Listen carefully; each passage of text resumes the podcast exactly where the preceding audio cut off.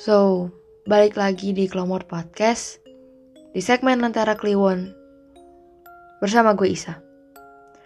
So, balik lagi di segmen terseram di Kelomot karena podcast ini belum eksklusif di Spotify. Iya, jadi balik lagi sama gue Isa.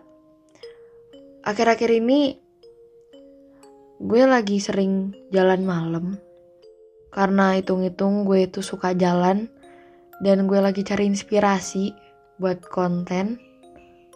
Jadi ya memang gue akhir-akhir ini lagi sering jalan malam gitu. Jujur gue nemuin banyak banget kucing hitam. Gue nggak tahu apa emang kebetulan apa gimana tapi yang jelas yang pernah gue dengar kalau kucing hitam tuh jelmaan dari setan. Ya tapi gue nggak tahu apakah itu benar atau enggak. So ya, hari ini gue bakal bawain cerita judulnya Piala Dunia. Kejadian ini dialami oleh seseorang, kita sebut aja namanya Le. Kejadian itu pas banget sama Piala Dunia 2010. Jerman versus apa gitu. Lupa gue soalnya gue megang Jerman pas itu. Emang jadi kebiasaan keluarga dari emak gue kalau setiap liburan main ke villa, bakar-bakar segala macem tuh di situ. Waktu itu gue kelas 1 atau kelas 2. Kejadian itu pas kita baru nyampe di villa. Sekitar jam satuan. Mungkin ini kayak satu malam deh ya. Di situ gue yang teledor apa gimana, Gue nggak tahu. Pokoknya tuh gue baru nyampe langsung ke kamar ibu-ibu tuh. Jadi kan dipisah gitu di antara kamar ibu-ibu sama bapak-bapak. Dan larilah gue ke kamar ibu gue. Di situ langsung buka gorden. Gue gak tahu apa yang di dalam pikiran gue. Di situ gue buka gorden dan shock gue nangis kejar. Sampai bantal nutupin pala gue saking takutnya gue. Lu tahu apa yang gue lihat? Gue lihat genderuwo men. Sumpah itu lu ngelihat hadap-hadapan cuma dibatasi sama kaca doang. Dan itu gue inget banget bentuk postur badannya. Tinggi gede sampai mentok di jendela villa gue. Kan jendelanya tuh yang lebar ditambah tinggi gitu. Pakai jubah hitam, matanya merah, giginya bertaring panjang. Terus pada kaget lah saudara gue termasuk orang tua gue juga. Nanyain, ada apa? Dan emang ada almarhum uwa gua yang bisa lihat beginian.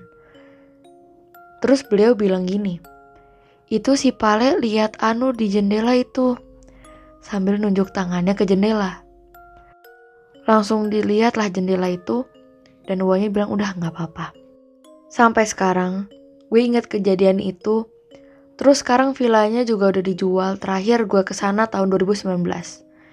Dan itu posisinya udah sepi banget villanya. Ada sih sebagian penghuninya. Dan sekarang udah sepi banget. Udah bekas longsor juga.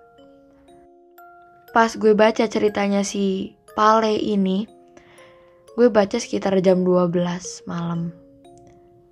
Jujur gue merinding, gue langsung takut karena kamar gue ini ada jendelanya kan.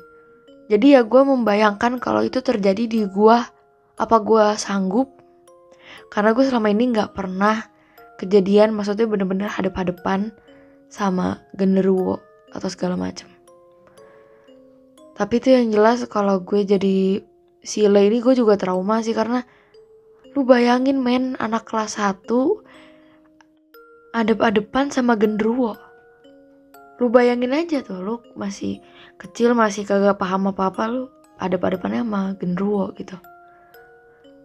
Itu kalau gue jadi si Lei ini mungkin gue udah nggak mau lagi tuh ngomongin tentang villa atau ya yang berhubungan dengan kayak gitu karena yang namanya apa ya cerita horor kayak gitu tuh kan apalagi kalau kejadian beneran tuh kan kayak nempel di kepala.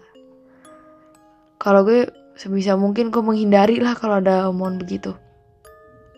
Jadi ya pesan gue kalau kalian ada misalnya pergi ke satu tempat yang itu jarang apa ya dihuni sebisa mungkin ya banyak-banyak berdoa. Karena kalau ada satu tempat misalnya dia lama nggak dihuni tuh biasanya dihuni sama makhluk-makhluk gaib kayak jin sama setan.